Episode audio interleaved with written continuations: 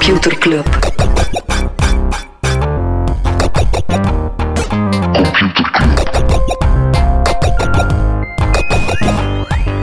Computer Club. Hey Smolly. Ja, radiostilte aan de andere kant. Want u raadt het, dames en heren. Thomas Molders is op reis. Uh, zit op dit moment in Thailand. Uh, best wel bizar hoeveel Smolly op reis gaat met mij versus met zijn eigen gezin. Het is te zeggen, nooit versus constant. Um, maar bon, op reis, misschien wil Smolly daar ook wel zijn tijd wat doorbrengen, al lezend wat een mens dan typisch doet als we op reis zijn. dus ik stel voor dat we hem wat leesvoer bezorgen en op die manier kunnen jullie ook een week zonder Thomas Molders en Computerclub overbruggen. gelukkig sta ik er niet alleen voor. Um, en hebben jullie een aantal coole inzendingen gestuurd, dus ik stel voor dat we daar eens naar luisteren. Hè. De eerste inzending is er eentje van, van Bram van Oost, Ort. Uh, ook wel de original Vlaamse meme met de System of a Down, samen met zijn copain. en laat ons eens luisteren wat Bram, welke tip dat Bram voor ons heeft. Boekenclub. Hey Freddy. Hallo Freddy. Hey Hey Freddy, uw goede vriend Bram hier. Ik ben 2020 gestart met een kleine pauze in het heerlijke warme Thailand. En op mijn jungle-eiland, aan het zwembad, op mijn kano, aan, uh, aan watervallen en op restaurant ben ik begonnen aan het boek The Innovators. Het is al een paar jaar oud, van uh, eh, 2015. Geschreven door Walter Isaacson, bekend van zijn biografieën over Steve Jobs, Leonardo da Vinci, Benjamin Franklin en nog een paar grootheden der aarde. Het boek begint met uh, de pionier van de analoge computers, uh, Ada Lovelace, die aan de basis stond van wat dat we later uh, programmeren gingen noemen. We hebben nog Vannevar Bush, Alan Turing uiteraard, John von Neumann, Robert Noyce en dan door naar Bill Gates, Steve Wozniak, Steve Jobs en uiteindelijk naar Tim Berners-Lee en Larry Page. Volgens mijn e-reader zit ik net aan de helft, aan 49%. Vlak na Engelbart zijn zogenoemde Mother of All demos, waar hij in uh, eh, 68 al demonstraties gaf van vrijwel alle fundamentele elementen van moderne computers. Zijn de uh, vensters en hypertext en uh, ja, een grafische interface uiteraard, de muis, videoconferencing, tekstverwerking, zelfs versiebeheer. Die demo was zijn tijd ver vooruit, vandaar de naam. Uh, aan alle luisteraars, mocht je The Mother of All Demos nog niet hebben gezien, je kunt hem vinden op YouTube. Bekijk hem alsjeblieft, is fantastisch.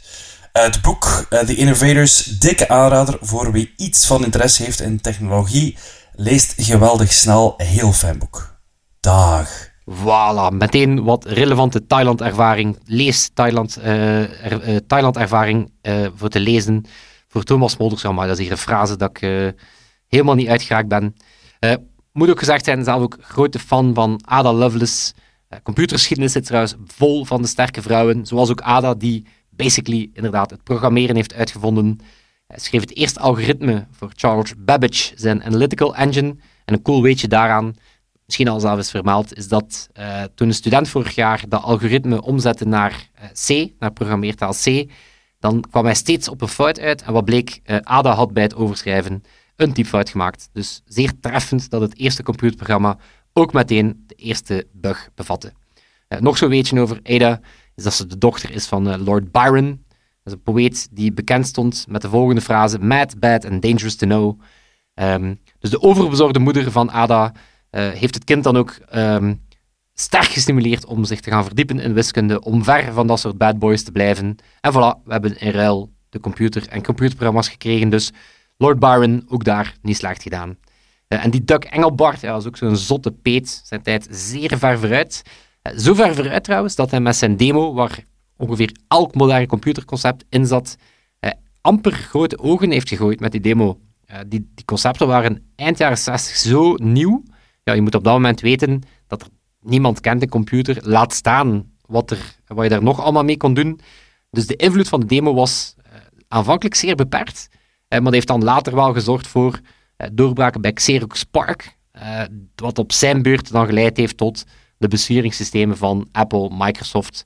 Dus ja, die Doug Engelbart, Zotte Peet, lijkt een zeer goede leestip. voilà. Oké, okay, we gaan eens luisteren naar de volgende tip van Christophe. Christophe Morillon. Eens zien wat hij voor ons gelezen heeft. Boekenclub. Hey Freddy. Ik ben geen lezer, maar eerder een luisteraar. Audioboeken zijn voor mij een zegen. En toch ga ik een boek aanraden waarvan ik een fysieke editie heb. How to Influence and Influence People van Dale Carnegie uit 1936. Zoals de titel verraadt, gaat het boek niet over technologie, product design of iets futuristisch. Het gaat over menselijkheid en hoe we met elkaar omgaan. In de tekst zien kan het er hard aan toe gaan. It's just business, not personal, weet je wel. Wat we hopelijk wel allen weten, is dat technologie er voor mensen is, niet andersom.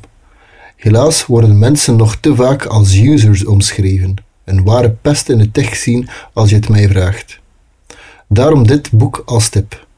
Als we producten bedenken, ontwerpen of lanceren, laten we niet vergeten dat we het voor mensen maken, om een probleem op te lossen, om mensen vooruit te helpen. Enkel op die manier bouwen we aan iets duurzaams waar we met trots kunnen over vertellen aan ons kinderen, partner, ouders en vrienden. Keep on clubbing. Amai, 1936, dat is echt wel OG. Eh, En inderdaad, er wordt wel eens gezegd dat er basically maar twee beroepen zijn waar dat ze over users spreken. En dat is in de, drug, eh, in de drugindustrie en in digital. Eh, wat ook een vergelijking is die meer en meer lijkt op te gaan, gezien de, ja, de kreten die er wel eh, op wijzen dat we meer en meer ja, geleefd worden door onze toestellen en verslaafd raken aan onze toestellen. En ik moet zeggen, Christophe, echt wel een eh, mooie, warme boodschap eh, voor deze computerclub. Oké, de volgende. We blijven in de reeks van de K met Karen. Dan zien we wat, eh, wat Kaatje te zeggen heeft. Boekenclub. Hey Freddy Licious. Ehm, ik mag dat natuurlijk zeggen, want ik ben uw beste vriendin. Maar eh new name alert voor alle luisteraars. Freddy mag je ook gewoon aanspreken met eh Freddy Licious. Hij heeft dat heel graag. Eh, ik ga kort even vertellen hoe mijn passie voor AI ontstaan is. Ik denk dat dat wel interessant is, want ik ben van nature zeker geen tech-adept. Ik ben niet zo into gadgets. Ik werk ook niet in het domein van, van tech-design. Maar toch heb ik eh, in de afgelopen jaren echt een, een, een sterke interesse eh, ontwikkeld voor AI. Dat is een topic dat mij mateloos boeit. En dat is eigenlijk begonnen met de website eh, Wait But Why. Dat is een blogwebsite van Tim Urban. Dat een New Yorkse blogger. Al vindt het blogger niet helemaal eh, een correcte benaming, want wat hij schrijft neigt veel meer naar essays, ook heel vaak gebaseerd op uitgebreide en wetenschappelijke research. En wat hij heel goed doet, is die, die benadert heel complexe, soms filosofische, moeilijke topics op een zeer biteable manier. Dus hij bedenkt daarbij concepten en namen die zulke zaken heel, heel tastbaar maken en ook leuk om over te lezen. Dus op een avond heb ik daar eh, de AI Revolution gelezen. En dat heeft echt mijn visie op de toekomst van de wereld en, en het menselijk ras zeer sterk uh, beïnvloed. In die mate dat ik nu heel anders kijk naar, naar bepaalde technologieën, dat ik anders kijk naar bepaalde ontwikkelingen en mij daar ook heel andere vragen uh, over stel. AI is sowieso een topic dat noopt tot, tot levensbeschouwelijke en, en heel filosofische vragen. En dat vind ik er zeer interessant aan. Um, in dat blogbericht, of in die long read beter gezegd, verwijst Tim Urban ook veel naar research van Nick Bostrom. Dat is een heel intelligente man die ook een boek heeft geschreven over AI. Dat heet Superintelligence. Ik heb dat ook cadeau gedaan aan Frederik en hij zal beamen dat dat vrij zware kost is. Uh, desalniettemin ook heel boeiend. Ik heb Nick Bostrom dan ook gezien uh, op Twitch bij In The Pocket een paar jaar geleden, waar hij, waar hij is komen spreken. Ik vond hem persoonlijk iets beter op papier dan op het podium, maar dat neemt niet weg dat het uh, sowieso iemand is die heel interessante zaken te zeggen heeft uh, over het onderwerp. Dus mijn tip voor iedereen die op zoek is naar een kwalitatieve tijdsbesteding en misschien iets meer wil weten over AI, ga naar Wait But Why en lees de AI Revolution. En wie daarna klaar is voor een meer uitgebreide en, en technische deep dive in het topic, lees Superintelligence van Nick Bostrom. En je gaat daar ongetwijfeld heel veel indruk mee kunnen maken uh, op de volgende Tinder date. Voilà, dag. Inderdaad, Kaatje, zelf ook grote fan van uh, Wait But Why. Die over AI is een ongelooflijk topper. Uh, nog zo'n aanrader is de Wait But Why over de Fermi-paradox. en de Fermi-paradox die zegt wat als het universum oneindig is? Waarom hebben we dan nog geen contact gemaakt met buitenaards leven? Ehm, heel en dan, dan, dan zijn er eigenlijk een heel aantal interessante theses over ehm, waarom dat, dat al dan niet, uh, waarom dat, dat nog niet gebeurd is. Ehm, en het zotte is dat die antwoorden die komen niet van die uh, mensen met veel fantasie, maar echt door legitte wetenschappers. En iedereen komt basically tot dezelfde conclusie. Uh, we weten eigenlijk evenveel over het universum als pakweg de middeleeuwers, toen dat ze nog dachten dat de wereld plat was. Wat een interessante, interessante kijk is. Um, en inderdaad, die superintelligence, uh, bedankt voor het cadeau trouwens, Kaatje, is inderdaad zware puree. Uh, misschien iets toegankelijker. Dan een, andere leestip is Live 3.0 van Max Tegmark. Uh, en die zegt, ja, Live 3.0, en van waar die 3? Wat die zegt, Live 1.0 is biologisch leven. Live 2.0 is wanneer dat we ook onze software kunnen aanpassen, door bijvoorbeeld te praten met elkaar of te leren en op die manier kennis over te dragen. En dus zegt hij, Live 3.0, dat is wanneer dat we ook onze hardware gaan kunnen designen. Wanneer dat we eigenlijk ook onze hersenen artificiële capaciteit kunnen geven. Uh, en die schetst ook in zijn boek een aantal uh, mogelijke toekomsten met AI. Bijvoorbeeld een AI die ons als mens gelukkig houdt door in onze soort permanente trance te houden in VR, die eigenlijk een soort perfecte wereld creëert, waarin dat we met z'n allen aan de virtuele drug zitten. Of een toekomst waarbij dat wij als analoge mensen dan in een ghetto gaan leven, en waarbij dan gaan zeggen van de mensen die niet met AI willen werken, die gaan dan in een soort, uh, een soort afgesloten uh, wijk gaan leven. Of mijn persoonlijke favoriet, AI die de wereld overneemt en gewoon nog een aantal mensen in de zoo als een soort van curiositeit. Wat ook een beetje is hoe dat, hoe dat wij als mens dan naar bepaalde dieren gaan kijken. Ook wel een serieuze patat van een boek, maar een pak minder intens dan Bostrom moet gezegd zijn, Bostrom die ligt gewoon bij mij um, zeer zichtbaar in mijn appartement. Uh, omdat, ik vind al wel dat dat slim overkomt als je zo'n boek hebt waar dat er gewoon super intelligence samen met een uil op de kaft staat. Ook al ben ik in alle eerlijkheid niet veel verder geraakt dan het eerste hoofdstuk. Oké, op naar de volgende leestip dan. En dat is er eentje van Fons. Boekenclub. Hey Freddy, je goede vriend Fons hier. Ik heb net een heel interessant boek gelezen, geschreven door Peter Thiel. Uh, Peter Thiel ken je als een van de medeoprichters van PayPal. En ook de eerste outside investor in Facebook. En heeft ook wel geïnvesteerd in heel veel andere bedrijven als Spotify en dergelijke. Maar het boek Zero to One gaat dus eigenlijk over hoe, dat, je als onderneming van 0 naar 1 kan gaan. Hoe dat je echt moet gaan innoveren en niet uh, gaan kopiëren en doen wat de rest doet. Uh, ja, het is echt een klassieker, dus velen zullen het waarschijnlijk al gelezen hebben. Maar de mensen die het niet gelezen hebben, zeker doen. Uh, er zat ook wel redelijk wat in dat ik dacht van oké, eh, dat ik wat meer mijn wenkbrauwen bij gefronst heb, maar ook heel veel inzichten. Het heeft me echt toen nadenken. Dus ik ga er nog niet te veel over verklappen, maar gewoon lezen, die handel. Oké, ik heb het boek zelf nooit gelezen. Ik geef het, ik geef het eerlijk toe, het is inderdaad basislectuur, zeg maar. Eh, voor iedereen die met startups en dat soort dingen bezig is. Eh, die Peter Thiel, eh, voor de mensen die hem niet kennen, is ook wel een sloeber eerste klasse. Um, is inderdaad een van de eerste oprichters in Facebook. Zit daar ook in de board. En er wordt wel eens gezegd dat hij de vertragende factor is in, het, in de raad van bestuur van Facebook. Dus hij is basically de gast die tegen Mark Zuckerberg zegt: Mark, je bent goed bezig, zijn motje. Uh, heeft ook het bedrijf Palantir. nog zo'n bedrijf waar dat meer en meer grote bedrijven eh, liever geen militair contracten aangaan of uh, werken voor detentiecentra voor immigranten, om maar iets te zeggen, zegt Peter Thiel met Palantir, laat het maar komen. Of uh, zo'n recent bedrijf waarin hij geïnvesteerd heeft, Clearview, dat is een bedrijf die facial recognition aanbiedt aan politie, door miljoenen, miljarden foto's van het internet te scrapen. Dus elke politiedienst kan daar gewoon een, een foto opladen en dan meteen een match gaan vinden. Dus ja, die Peter Thiel, echt wel een kapoen. Um, maar bon, chance dat Fonds zich met Entity One vooral bezighoudt met solide Drupal-websites um, bouwen. En ik ben tegelijkertijd ook wel benieuwd of dat dit decennium, uh, of dat we een shift gaan zien richting uh, meer duurzaam investeren versus de hele move fast en break things cultuur, dat ons toch wel de gekende problemen heeft opgeleverd. Op naar de volgende leestip uit de Computerclub, en dat is er eentje van Dries. Dries, wat heb jij wat heb jij voor ons? Boekenclub. Hey Freddy. Dag Dries.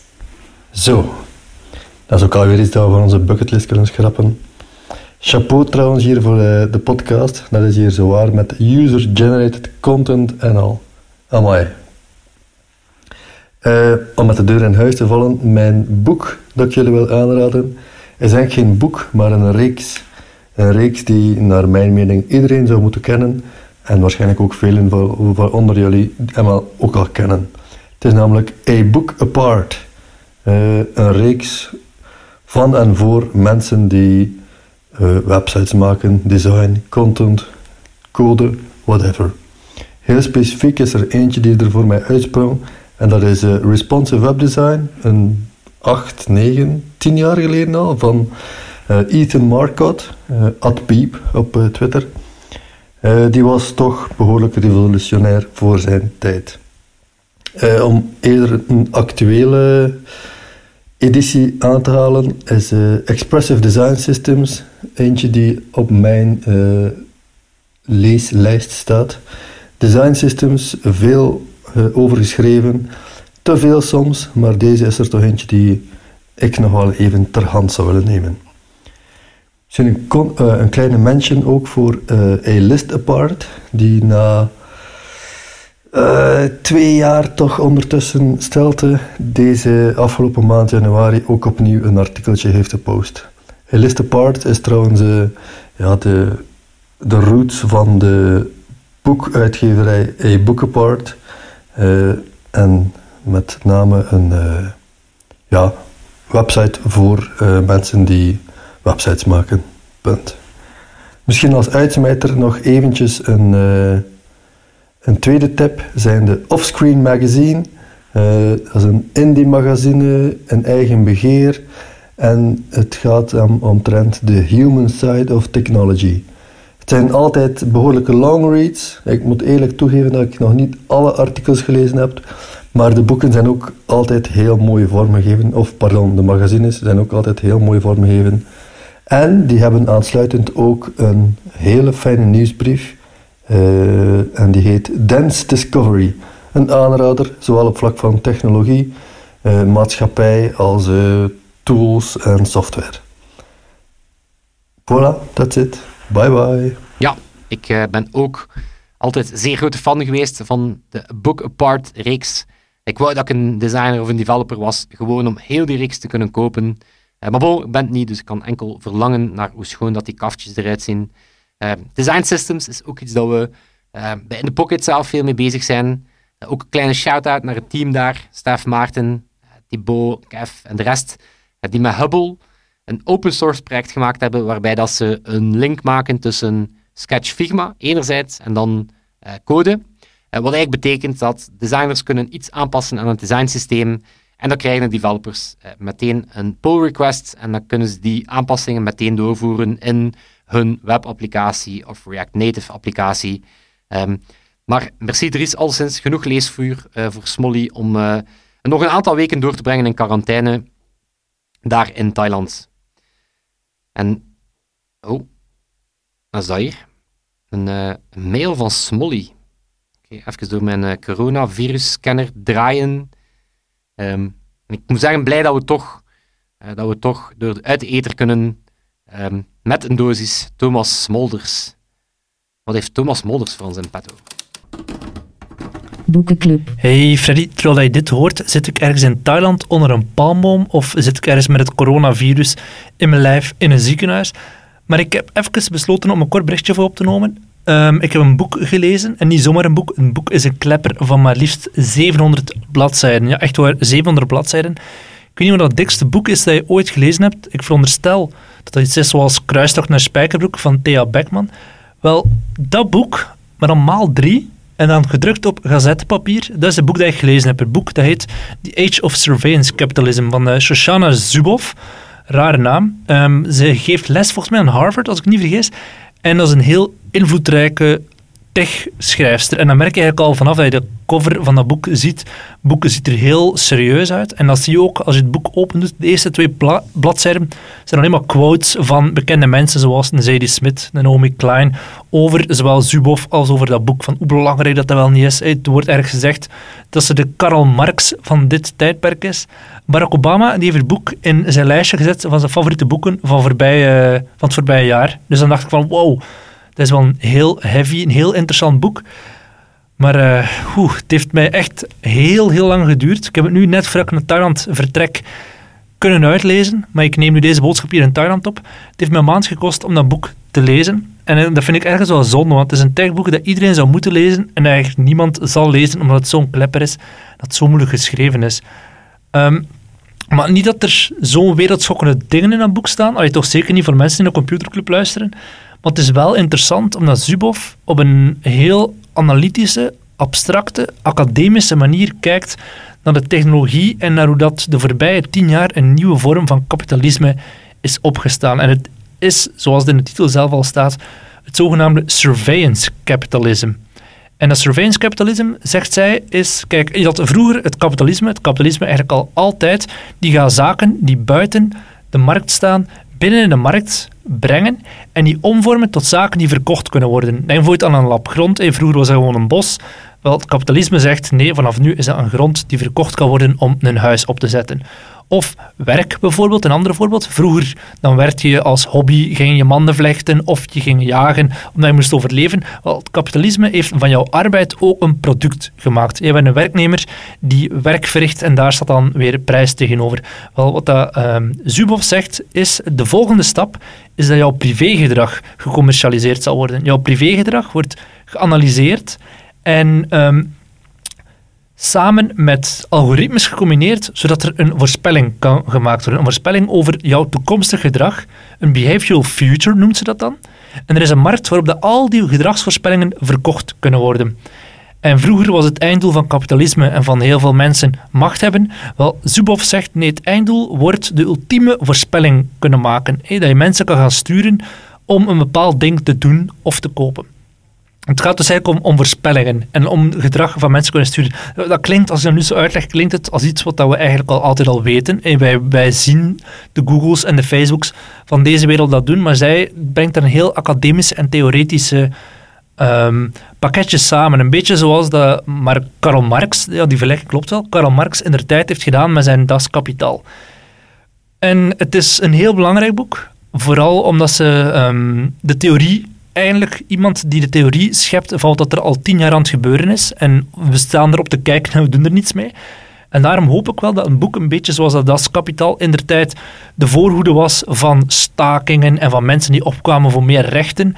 Dat dat hetzelfde gaat gebeuren met zo'n boeken zoals The Age of Surveillance eh, Capitalism. We, ja, we zien het zelf ook in Ben Evans en zijn, zijn ik weet dat je die keynote van hem ook bekeken hebt die zegt dat regulering de belangrijkste volgende trend wordt in de technologie-sector. Eh, Want eerst de mainframe, dan de PC, dan de smartphone. Ben Evans zegt regulering wordt de volgende S-curve of wordt the next big thing.